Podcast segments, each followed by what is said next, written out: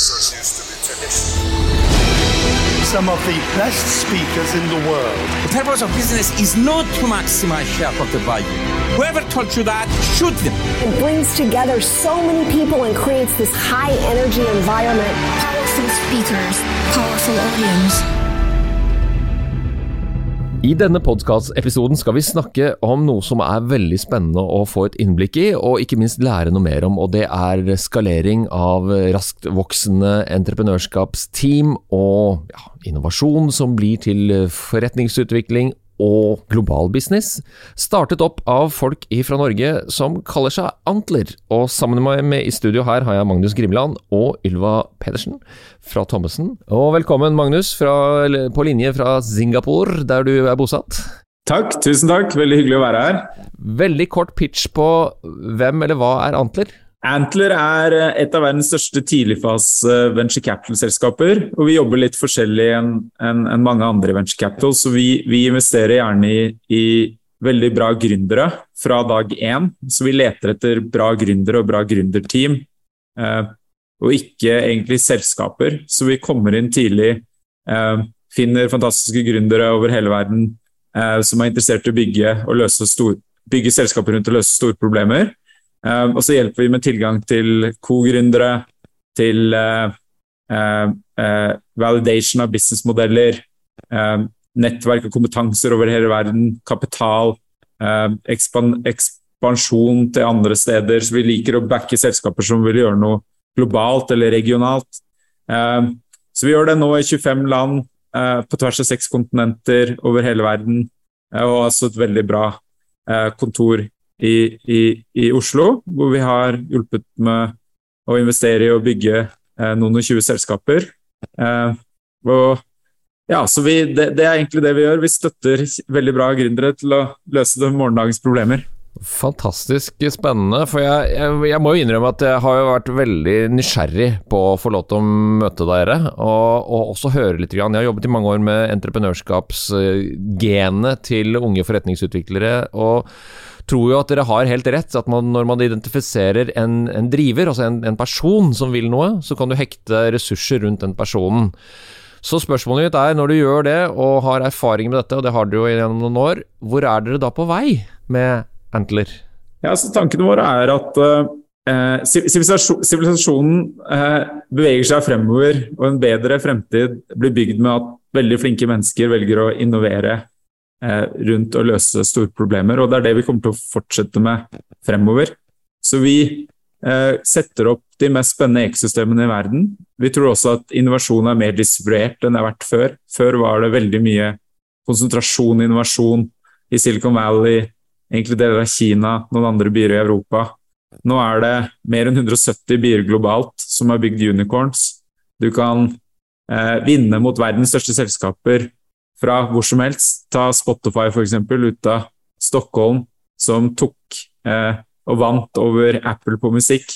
Så man kan innovere overalt, og der har vi tenkt å være og støtte morgendagens gründere. Eh, så det er det ene vi skal gjøre. Og det andre vi skal gjøre, er at vi skal støtte eh, de med kapital hele veien til eh, de går på børs eller blir solgt eller er et profitabelt selskap. Så vi skal investere ikke bare i den første delen av deres reise, men, he men, hele veien. Så det er de to tingene vi jobber på nå, i tillegg til å bare bli bedre på det vi gjør og være en bedre partner til bra gründere hver dag. Jeg hører jo at dette er jo en eh, hel, eh, det er en hel verdikjedetenkning i, fra idé til eh, skalering, og vi skal komme tilbake til det, Magnus. for at Sammen med meg så har jeg også Ylva Pettersen fra, fra Thommessen, og opprinnelig så tenkte jeg at jeg, det, det, blir spennende å snakke med Magnus Grimland om hva skjer når disse raskskalerende suksesshistoriene møter forretningsjussen og, og, skal gjøre ordentlig validering. Og så fikk jeg et tips om at jo, men det, kontakt Ylva i Thommessen, hun kan dette. Og hun sa ja, og kom til podkastinnspilling for bare å finne ut at hun er jo en del av Antler-teamet. Men Ylva, med det som bakteppe, du har jobbet med dette i over elleve år med forretningsjussrådgivning. Har masse erfaring både med startup og scaleups og store etablerte selskaper. Hva er det dere gjør når disse scaleupene kommer til dere, og dere setter dere ned med de for, for rådgivning fra det juridiske perspektivet? Ja, så Vi er jo da eh, juridisk samarbeidspartner med, med Antler, eh, og noe av det vi nettopp eh, gjør der, og det som er så fint, er jo at det gir oss muligheten til å komme inn på en veldig tidlig fase. Så det som er det liksom fine med vårt samarbeid med Antler, er jo at vi kommer inn allerede i denne matchmakingen mellom gründerne, som eh, Magnus så fint beskrev. Eh, for det er jo nettopp sant, masse kule ideer som kommer opp. Eh, men det hjelper ikke at du har en utrolig kul, skalerbar idé som egentlig kan dras globalt, hvis det er f.eks. GDPR, IP eller andre mer sånn juridiske hindringer som står i veien. Eh, så der syns vi det er veldig kult å være inne og hva skal man si, brainstorme egentlig med deltakerne. Og hjelpe til å liksom finne, finne de ideene som, som også måte juridisk sett funker. Så det er det ene, og da har vi på en måte med på liksom å, å, bygge liksom virksomheten litt fra start, eller i hvert fall være en slags fasilitator på vårt vis. Um, så det er det ene. Det andre er jo nettopp at når man skal begynne å skalere og hente penger, så, så må man jo på en måte ha et godt fundament, tenker jeg, da, juridisk sett å stå på. Eh, og da er det noe med at eh, det er jo alltid greit å bygge noe som man kan bygge videre på, og at man ikke trenger å rive og bygge noe opp igjen. Så der er det også bare å hjelpe disse tidligfaseselskapene med å få en god juridisk grunnmur, og, eh, som skal gjøre det lett å skalere og få hentet inn penger i, i ettertid, da.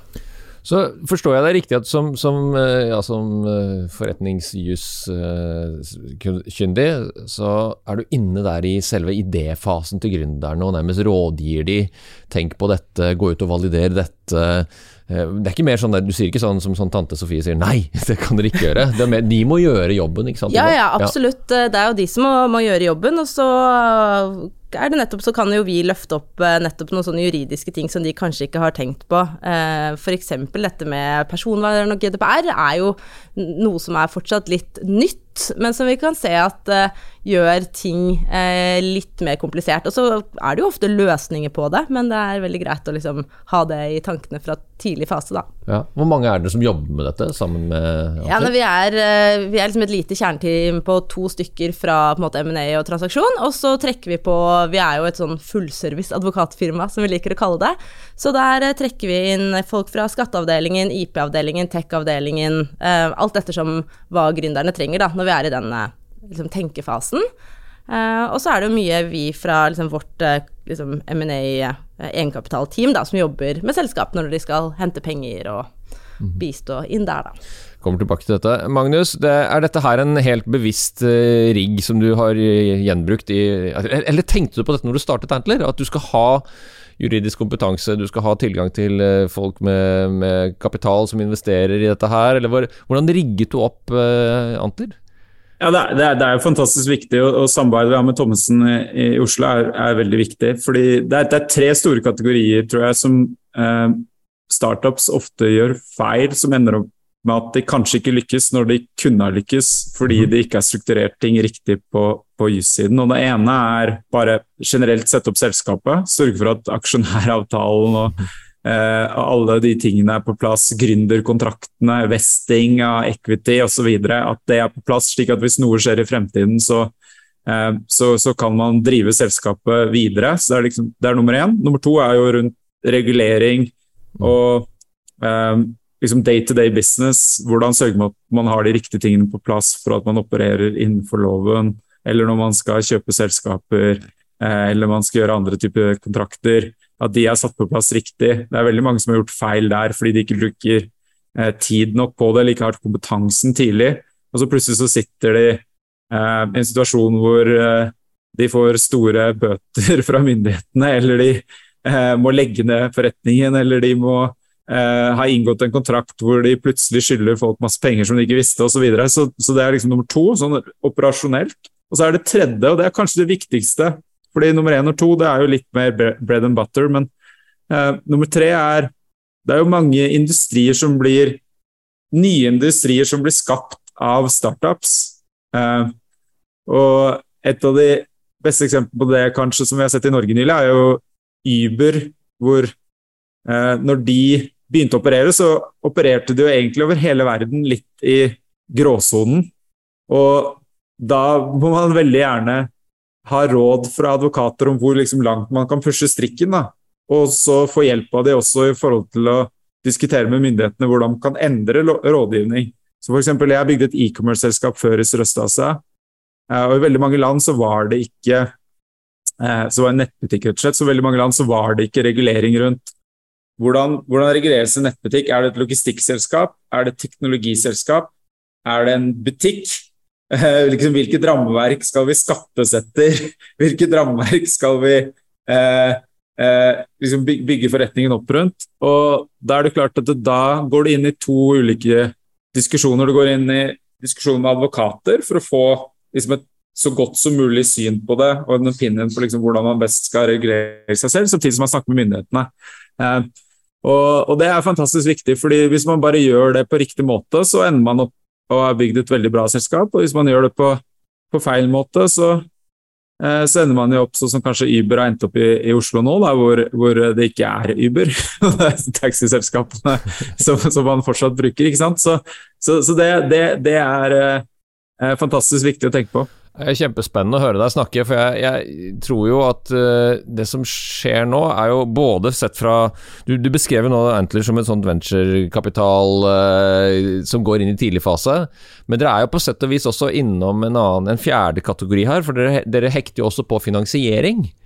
Altså Det gir jo muligheter for folk i nettverket deres til å være med inn i den nærmest prekvalifiserte gründerreisen med den riggen rundt som er bevist, og så gir en tilgang til å være med på Jeg vet ikke hvor mange sånne seedingrunder dere har, eh, har laga opp til, men fra mitt perspektiv, da, fra mer sånn der skoleperspektivet, så er jo dette alle de fire fasene i gründer, uh, inklusiv opp mot exiten. Ja. Liksom både den tidlige initielle entreprenørskapsfasen, du har konsept og validering, og du har disse seeding og skaleringene i én pakke og i tillegg juridisk bistand. Ja. uh, og Da blir det litt sånn der one shop stop, eller hva det heter for noe så fint. er, det, er, det, det som er tanken også? At dette skal liksom erstatte sånn at du kan gå til Antler og få hjelp til disse tingene, og så helt ut i exiten? Ja, tanken, er, så, så, så, tanken er først å finne fantastiske gründere. Så vi tror ikke at vi måtte kan gjøre uh, gründere ut av folk som ikke har liksom den kompetansen å være gründer. Eh, men vi vil støtte fantastiske gründere til å eh, få mer leverage, skape momentum tidligere, eh, få mer ting gjort kjappere. Sørge for at man bruker mer tid på det som er viktigst for bedriften. At man strukturerer ting opp på en måte hvor man kan skape så mye momentum som mulig, så tidlig som mulig. Um, og det handler om, om, alle disse tingene. ikke sant? Så det, Du snakket om kapital, så vi kommer inn med første runde. Vi introduserer folk ofte til de beste WC-ene og investorene rundt omkring i de områdene vi er i for de andre rundene. Og så investerer vi selv også. På talentsiden, noe av det viktigste for gründere er å kunne ansette de første personene inn i, i forretningen sin. Og vi har satt opp et eget talentnettverk internt i Antler som folk kan gå inn og ansette de første i.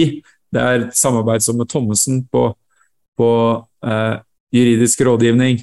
Det er eh, tilgang til kunder. ikke sant? Vi hadde et selskap i Norden, skal ikke ja, Skycraft det, jeg kan nevne annet. Skycraft de, de, jobber med droner som går over eh, kraftledninger og dammer for å sjekke for brukne grener, eller hvor de må endre isolering eller eh, gå og fikse ting. og det før gjorde man det med helikopter. Man fløy helikopter over de, filmet alt, og så var det mennesker som satt og så på filmen og sa her må vi gå inn og gjøre maintenance. De flyr droner nå, og så bruker de AI for å sjekke eh, bildene. Og I hvert eneste land i verden så er det én eller to sånne infrastrukturoperatører. ikke sant? Så hvis du skal bygge et selskap som jobber med å løse dette, og du bare bygger det innenfor ett land, så er det bare to kunder man kan, man kan gå til. Man kan gå til Det er vel Vattenfall i Sverige, tror jeg, som sier dette. Men vi introduserte det da til lignende type kunder i 30 markeder, så du kunne gå til 30 markeder samtidig med den samme ideen. Og Med en gang du får solgt det inn til én bedrift, så er det mye enklere å få nummer to. Har du to, så er det mye enklere å få nummer tre.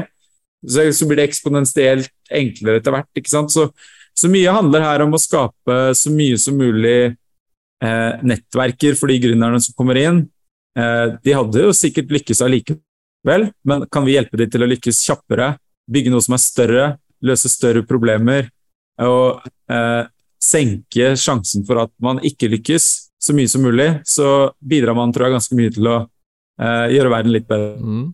Uh, Ylva, første gang du hørte om dette nå, du vil prøve å være ærlig med meg. Hadde du, dette høres jo litt for godt ut til å være sant, og jeg er veldig glad for at dette gjøres, og veldig stolt av faktisk at dette kommer med et initiativ fra nordmenn. Er enig. men når du hørte om det første gangen, var du bitte litt grann skeptisk?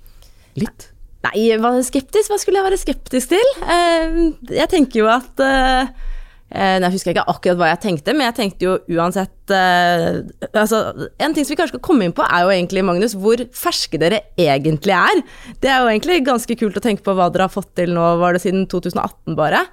Um, så, så, sånn sett, så det jeg tenkte var vel ok, her er det i hvert fall en gruppe mennesker, både de som har startet dette, og de som er med i første kohort, eller hva, hva man kaller det. Ja, for du hadde jo Um, jobbet med M&A, så du hadde jo jobbet med store selskaper som skal ha noen sånn verdivurderinger og salg og exit og det juridiske og kontraktuelle rundt det. Ja, så har vi jobbet masse med startups også, men Aha. her kommer vi jo nesten inn før startupen er startet, Det er ikke det. sant? Så det er forskjellen. Ja. Uh, og det er kult, men vi tenker jo heller bare ok, her, her kan vi komme inn og sørge for at folk kommer på riktig juridisk spor med en gang. Eh, ofte så ser man jo litt at man kommer inn bitte litt senere, og da er det alltid litt ting som må ryddes opp i og sånt. Så dette var jo en super mulighet til å bare lage en plattform som gjør at eh, de selskapene som kommer ut av dette, er på riktig rigg fra, fra starten. Så kule folk og kule muligheter som også utfordret oss i å tenke på nettopp hvordan er det egentlig, hva slags juridisk plattform mener vi er best, da. Eh, og det er gøy. Ja, jeg vet jo dette er jo litt sånn en Jeg hørte om eh, dette her i 2018, tror jeg. Første gangen. Jeg kjenner et par mennesker som er involvert i det nettverket til Magnus, og jeg ble veldig skeptisk. Og jeg ble skeptisk fordi at eh, jeg tror at man, man kan lære seg det, men det er også Skepsisen min gikk på den at den, eh, den venture rig exit-fokusen den vet jeg er ødeleggende for veldig mange team. Særlig for at ting tar tid. Mm. Uh, nå skal ikke noen stå til rette for det de gjør for jeg syns det er helt fantastisk. Og det er en fantastisk mulighet både for gründere, og særlig det fokuset som Magnus løfter opp her, at dette er jo for å løse litt større problemer enn det mange går og kjenner på, som ofte er utgangspunktet for å bli gründer. Man ser et eller annet uh, Man ser et eller annet problem. Uh, og da må man jo Da må man jo gjøre noe med det. Og det problemet er jeg litt sånn nysgjerrig på. Eh, Først til deg, Magnus, og så skal jeg prøve å grille Ylva bitte litt mer på det. For det, alle gründere hadde jo trengt en, en eh, advokat. Ja, det er jeg helt enig i. Så tidlig som mulig. Ja, det er jeg også helt Kanskje enig til å si 'stopp, dette er en dårlig idé'. men det hadde jo Jo, men det er jo, det er jo sånn. Mens her Ja. kommer det jo flinke Ja, ja. folk inn, som har en rigg rundt seg, og som kanskje også litt sånn euforiske og satser på at 'oi, dette blir bra'. Mm. Eh, Og det er ikke måte på hvor mange ressurser man hiver på. Men, men spørsmålet, Magnus, til deg, for at jeg vet jo du har en veldig spennende historie. Både fra skoletiden din med disse Facebook-gründerne, og så har du jo vært i Du har jo jobbet for de kuleste gutta nede i Europa, disse Samver-brødrene, og bygd nettbutikk i Asia for de, og jeg, jeg syns det er så spennende å høre Du har jo blitt en gründer på et vis, ut ifra sånn industrielt veksttankesett, stemmer ikke det? Ja, altså, jeg har vel sånn historie, Jeg vokste opp i Sande, Vestfold, så første business jeg startet, var jo vi solgte, jeg, solgte, jeg kjøpte noen kyllinger, og så eh, solgte jeg egg til naboene. Så det var vel første. Og så andre, mens jeg var på Harvard, så var det noen som bygde Facebook, selvfølgelig, Mark Zuckerberg, men jeg bygde et selskap med noe annet som heter Crimson Reading, så vi solgte skolebøker. og det ble ikke så stort som Facebook. Og så eh, ble jeg med i McKinsey, og så eh, fikk vi Rocket Internet og Kinnevik inn som investorer for å bygge det største fashion e-commerce-selskapet i Sørøsta, som heter Salora. Det er litt det samme som Zalando og ASOS i Europa. Og fordelen der er at vi hadde jo da Vi, vi fikk med oss ganske bra investment- investorer fra dag én. Mm. så tror jeg uansett liksom, hvor mye investorer vil bidra, det er det samme med oss, så er det en selv som gründere som må dra lasset. Jeg tror det er viktig å liksom Du må ta så mye du kan fra investorer, og så få så mye hjelp som du kan fra folk som oss. Men så må du sørge for at du driver forretningen og drar det videre. fordi in the end så er det du som eksekverer på det, og det tror jeg var veldig viktig i Rocket Internett-delen også. Så, så Lora ble jo veldig bra. Nå er det fortsatt den største e-commerce-selskapet her, og det eneste profitable, tror jeg faktisk, i, i regionen. Eh, så det var gøy. Jeg tror, gitt liksom den skeptisen som du snakket om tidligere, så tror jeg det er veldig nyttig å være litt skeptisk, faktisk, til, til, eh, til eh, mange tidligfaseinitiativer. For det er jo veldig mange ulike ting som har blitt prøvd. Men det som har det, det, jeg tror er nøkkelen her, det er at eh, man bør liksom fokusere på én ting. Det er én ting man bør være veldig veldig flink på, og gjøre det til sin store styrke. Og det vi har fokusert på fra dag én, det er å finne bra gründere og hjelpe de fra dag én. liksom være best på det. Og så all kapital vi depolerer senere, det er et resultat av at vi er veldig flinke på den ene tingen. Og for å gjøre det, så har vi jo fått med oss veldig mange folk som meg, som har bygd forretninger over hele verden. Så hvis du går inn på Antler-siden, Antler.co på Team, så kan du se at i, i, Korea, i India, i Tyskland, i Stockholm, i uh, New York, så har vi folk som leder de kontorene, som har bygd noe utrolig kult selv. Sånn som Anna Tutar, som leder det for oss i, i, i Norge. Det er exited gründere som har vært med på den reisen før. Vi er ikke et koppel med investorer. Vi er folk som har bygd selskaper. Og vi er flinke på én ting, det er å finne bra gründere og være en god partner til dem når de starter.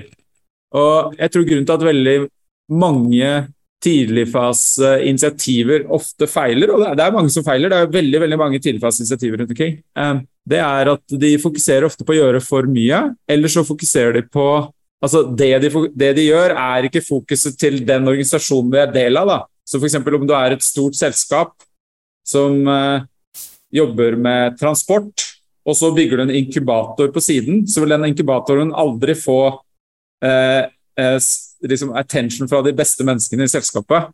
Så det blir alltid sånn attepåklatt, ikke sant. Og så vil de være best på transport og ikke så gode på incubation. Men, men vi har en hel organisasjon som jobber sikkert Jeg vet ikke hva average er i selskapet, men 60-50-75 timer i uken å bli best i verden på én ting, og det er å være en veldig god partner til gründere når de, de, de starter. Og jeg tror det er derfor vi har lykkes. Og når vi eh, traff hverandre, eller når du hørte om oss og vi traff hverandre første gang i 2018, så da var jo da vi startet. Vi startet 2.1.2018. Og siden det så har vi investert i nå rundt 600 selskaper over hele verden. Og jeg tror i snitt så er det vel sånn 95% av startuper globalt feiler. I vår portefølje så er det nå 13 uh, failure rate. Så langs, langsiktig så vil vi jo se hvor bra dette er, men porteføljeselskapene, hvis vi går på, også på websiden vår og ser på det, så bygger de utrolig spennende ting med fantastisk dyktige mennesker. Og det ser ut til å lykkes. Det ser, ser ut til å funke bra. 13% er jo helt fantastiske tall på failure rate. Uh, Ylva, kommentar på dette her? Ja, nei, Det er jo helt uh, utrolige, utrolige, tall. Uh, men jeg, samtidig så syns jeg jo at jeg er ikke overrasket heller over at det er en såpass uh, stor andel som, som, lykkes ut fra riggen deres, når man uh, ser uh, litt sånn hvor, hvor, famlende mange som starter for seg selv, går ut. men ja, 13 det er bare å gratulere, tenker jeg. Jeg tror Fra sånn overordna, sånn, generalisert statistikk, der er det jo rundt 80% av failure-raten går jo på rutiner og på økonomi og på manglende innbetaling av skatt og moms og det som er liksom driften, da. Så, så, jeg lurer også på, kan det være litt den derre oppstarten med så flinke folk som har fått så gode rammebetingelser, at de flyr litt lengre på eh, rett og slett den initielle eh, opp, oppstarten? Har du tenkt noe på det, Magnus? Ja, det er, altså, også, selvfølgelig, det er, det er, jo veldig tidlig fortsatt, så det, det, kommer til å øke over tid, den failure-raten. Det er garantert. Men uh, vi er ganske sikre på at den kommer til å ligge mye lavere enn en, en generelt, fordi vi fokuserer på på, på to-tre ting som jeg tror er veldig viktige. Det ene er alle gründerne vi drar inn, så ser vi på at de har en klar spike, at de er bedre enn veldig mange andre på et eller annet. At mm. de har veldig mye driv, at de er veldig ambisiøse kombinert med at de kan eksekvere. Men den tredje tror jeg kanskje er den viktigste, og det er at de har grit, eller staying power. At de ikke gir opp. At det å feile ikke er en option. Så vi er ute etter den type mennesker. Og så bruker vi mye tid de, med de med å sette sammen veldig bra team. Og Det er jo en liten myte i startup-verdenen at eh, man på en måte må bygge noe med noe man har kjent over en lang tid. og Det er veldig mange som bygger noe med en kollega eller en bror eller en eh, søster eller, eh, eller noen han, man vokste opp sammen med.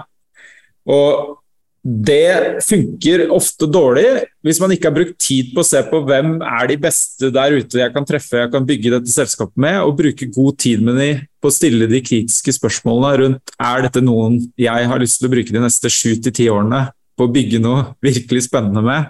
Hva skal vi bygge? Skal vi bygge noe kjapt og selge det? Skal vi bygge noe vi skal eie for alltid? Skal vi hente mye kapital og vokse kjappere? Skal vi hente mindre kapital og eie mer?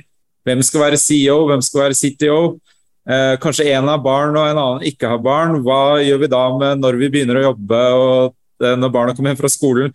Liksom alt fra liksom veldig elementære ting til hva er de verdiene vi skal ha som selskap? Og det å sette seg ned og diskutere det nøye up front, det fører veldig ofte til at gründerne eh, henger sammen lenger. Og en av hovedgrunnene til at selskapet feiler, det er jo at gründerteamet brekker opp. Eh, eller at det ikke er riktig dynamikk og ikke riktig eh, kombinasjon i gründerteamet. Og det, der, der, er det ganske mye spennende research. Og en sånn litt sånn interessant algori der, det er at eh, som jeg veldig ofte sier til gründerne, er det er mye data nå på eh, datingapps. Dere kjenner til liksom, Tinder og Bumble og de appene der? det er ingen som sier ja her. jeg, jeg, kjenner til, uh, ja. hørt om det. de, siste, de siste 20 årene da, så er det jo veldig mange, mer og mer, de treffer den de ender opp å gifte seg med på en datingapp. Så nå har vi rundt sånn 20 år med data på folk som har truffet hverandre organisk. ikke sant? De, de traff på en bar, eller de gikk på tur, eller var venn av venn, eller noe sånt noe. Så har du folk som har truffet hverandre på en datingapp, og så har de, har de sammenlignet kvaliteten på, på giftermålet. Hvor glade er folk? Hvor lenge er de sammen? Eh, i forhold til om de møtte hverandre på datingapp eller de møtte hverandre organisk. Og visstnok så er det slik at folk er sammen lengre, og de er lykkeligere når de møttes på en datingapp enn når de møttes organisk. Og det er jo litt counterintuitive, ikke sant? Men eh, forskerne tror at grunnen til det, det er at eh, når du treffes organisk, så blir du forelsket først, og så stiller du de kritiske spørsmålene etterpå. ikke sant? Det, liksom, det, det, det, blir motsatt vei, men hvis du treffer noen på en datingapp, så stiller du de kritiske spørsmålene først, og så forelsker du deg etterpå. Og Det tror jeg er veldig viktig når du skal finne en medgründer.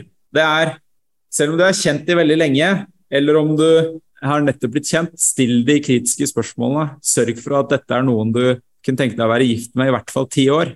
Fordi du skal jobbe hardt sammen, løse enormt store problemer som folk ikke har løst før, på en fantastisk dårlig lønning med høy usikkerhet, mens eh, alle vennene dine kanskje har en, en jobb med sikkerhet og ikke har de samme problemene. Så det, det er fantastisk viktig. Og så Vi fokuserer veldig mye på disse tingene som gjør, Nå kommer jeg bare med noen eksempler, da, men vi fokuserer veldig mye på de tingene som gjør at, at, at folk generelt feiler, så sørger for at man i hvert fall ikke gjør sånne elementære feil. Ja, Det er jo helt uh, rørende å høre på. Jeg tror jo det, de tallene som vi, vi plukker inn på, på, på, teamene sin utholdenhet og evne til å gjennomføre, det gjelder jo i andre områder av samfunnet også, men på, på startup-verden. Og, og, jeg, er litt nysgjerrig, Ylva, på at når du hører disse tingene om sammensetningen av teamene, mm. og du har jo møtt andre gründere, som du har sagt, ja, ja. i rådgivningsvirksomhet, så du ser forskjellen her på de Antler-teamene og ikke-Antler-team? Ja, altså Det finnes nok uh, en, eh, mange gode eksempler også utenfor forantler, men det som, jeg,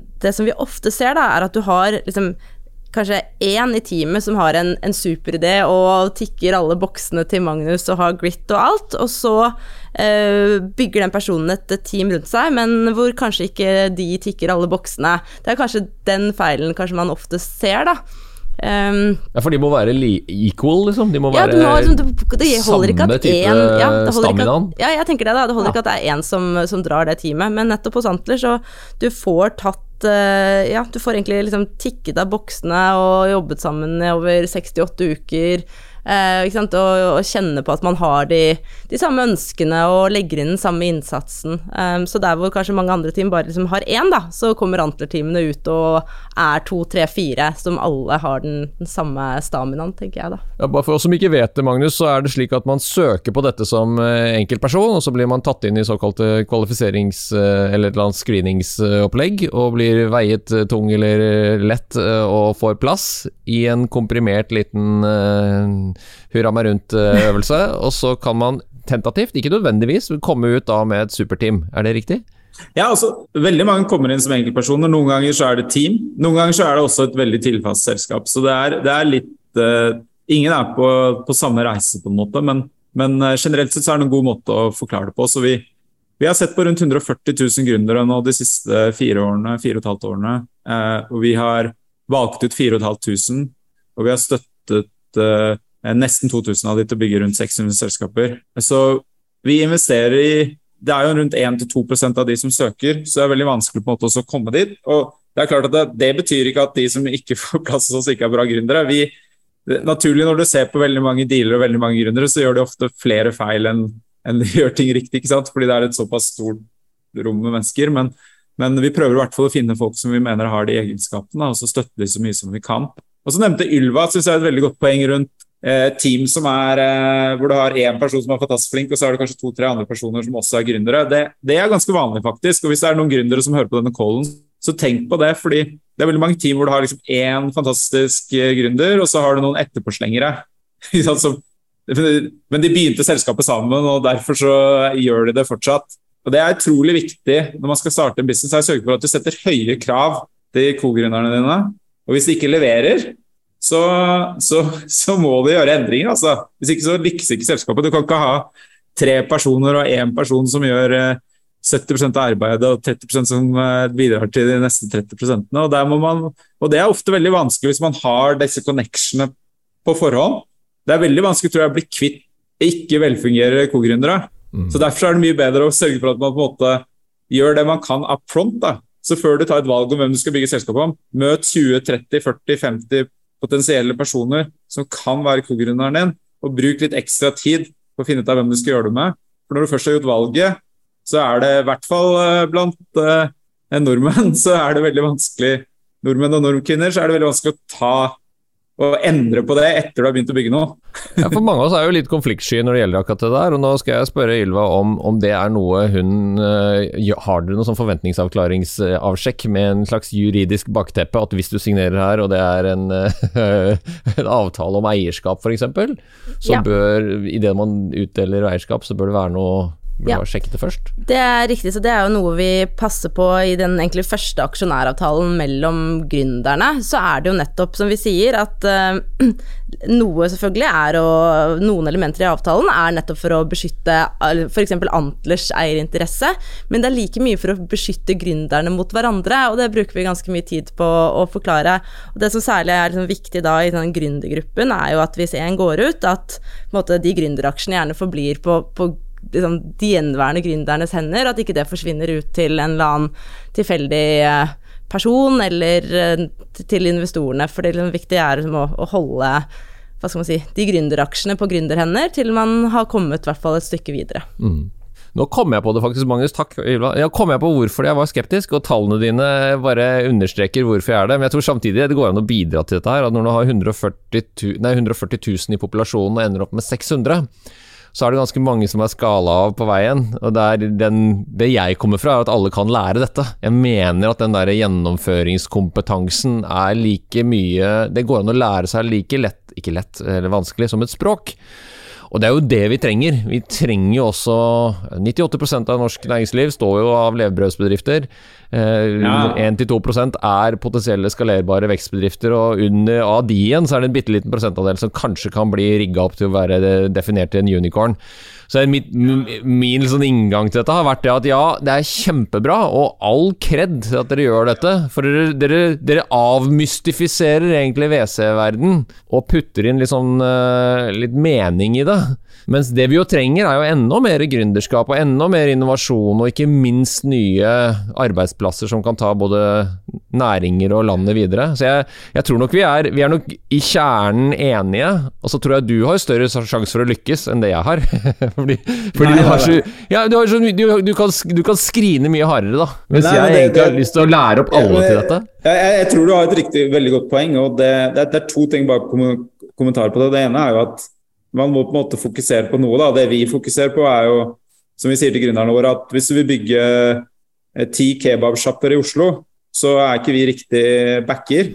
Hvis du bygger en ny type kebabkjøtt, som er i alle kebaber i verden, så vil vi veldig gjerne backe deg. Så vi, vi, fokuserer på liksom ting som litt sånn zero to one. Enten så blir det kjempestort, eller så blir det ikke noe. på en måte, og Det er på en måte vårt fokus. Og så er det jo andre som fokuserer på andre ting, og det er, det er vel så viktig, om ikke noe er enda viktigere for økonomien. Så helt enig i det. Og den andre tingen som er ganske viktig, hvem er det Jeg husker ikke helt denne quoten av uh, Mark Andresen i Andresen Horvitz uh, snakker om dette hele tiden. at uh, Jeg tror det var LeBron James uh, som har skåret mest poeng i NBA.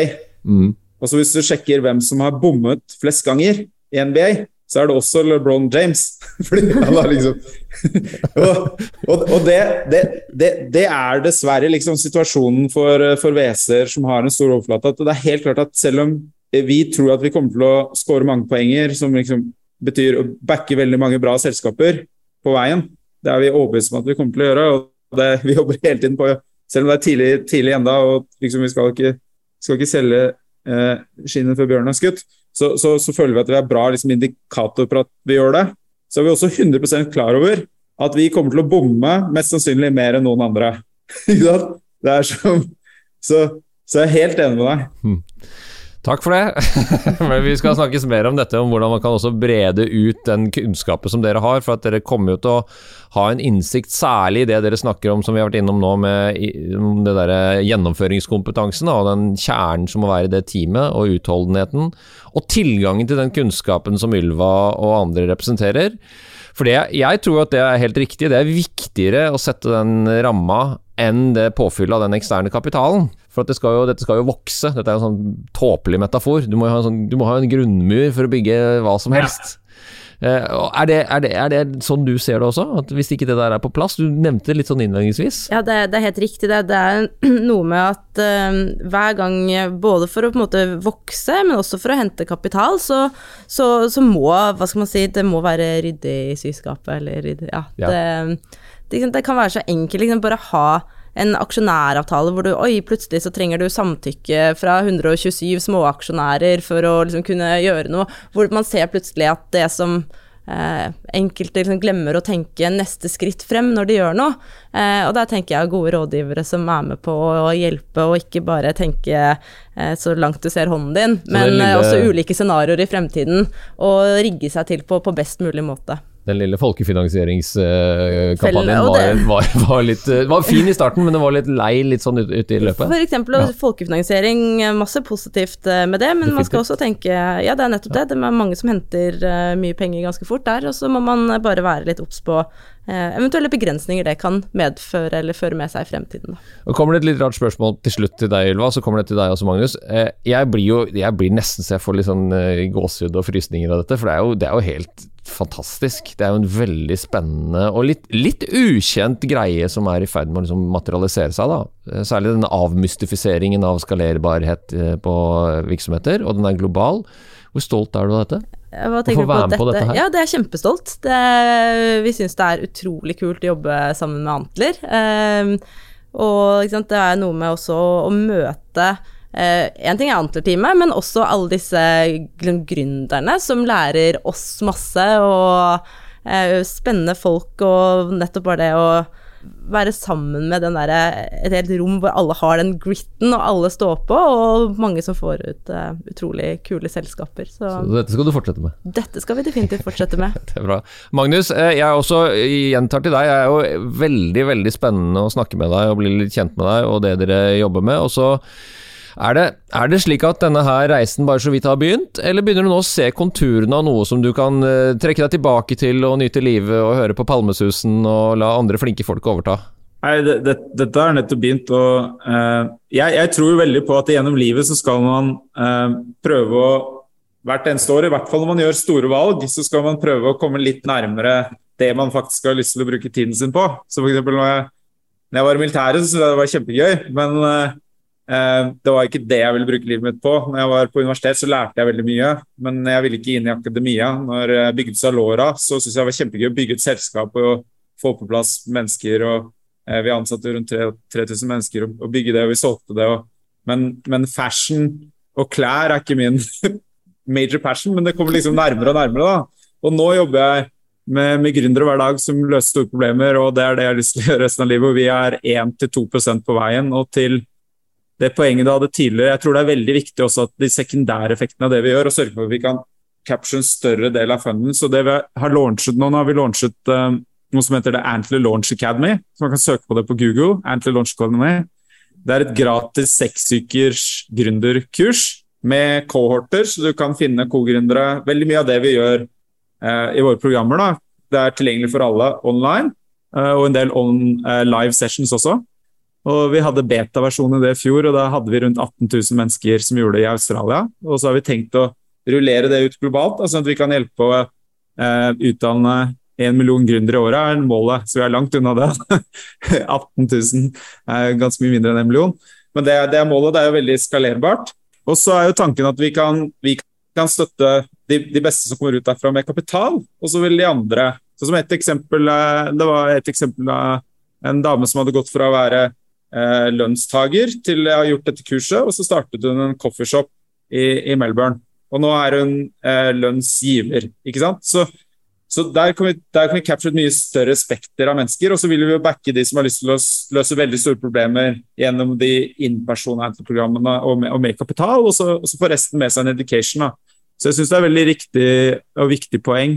Eh, så vi eh, Sjekk det ut når dere vil. Det skal vi absolutt gjøre. Det var, det var, produktplasseringen på slutten, men det fortjener du, Magnus. Og tusen takk for tiden din, og, og, ikke minst eh, det du gjør. Både for eh, de som er med deg i Antler-riggen, den skaleringen du gjør internasjonalt. Og vi er veldig stolte av deg, bare så du vet det. Og de folka du har med deg. Så fortsett sånn. Takk skal du ha. Og tusen, tusen takk for invitasjonen. Dette var veldig hyggelig. Og takk til deg også, Ylva. Og stå på videre og spre det glade budskapet. Og ikke minst prøve å få enda flere til å skape sin egen arbeidsplass, gjerne vokse. Det er kanskje ikke det viktigste, men at de har det gøy når de holder på. Ja, helt enig. Det, det å ha det gøy i det man gjør, tenker jeg er også en helt nødvendig forutsetning for å, for å lykkes. Så takk for at jeg fikk komme.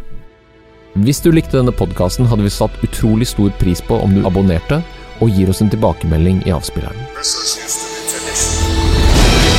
some of the best speakers in the world. The purpose of business is not to maximize shareholder value. Whoever told you that, shoot them. It brings together so many people and creates this high energy environment. Powerful speakers, powerful audience.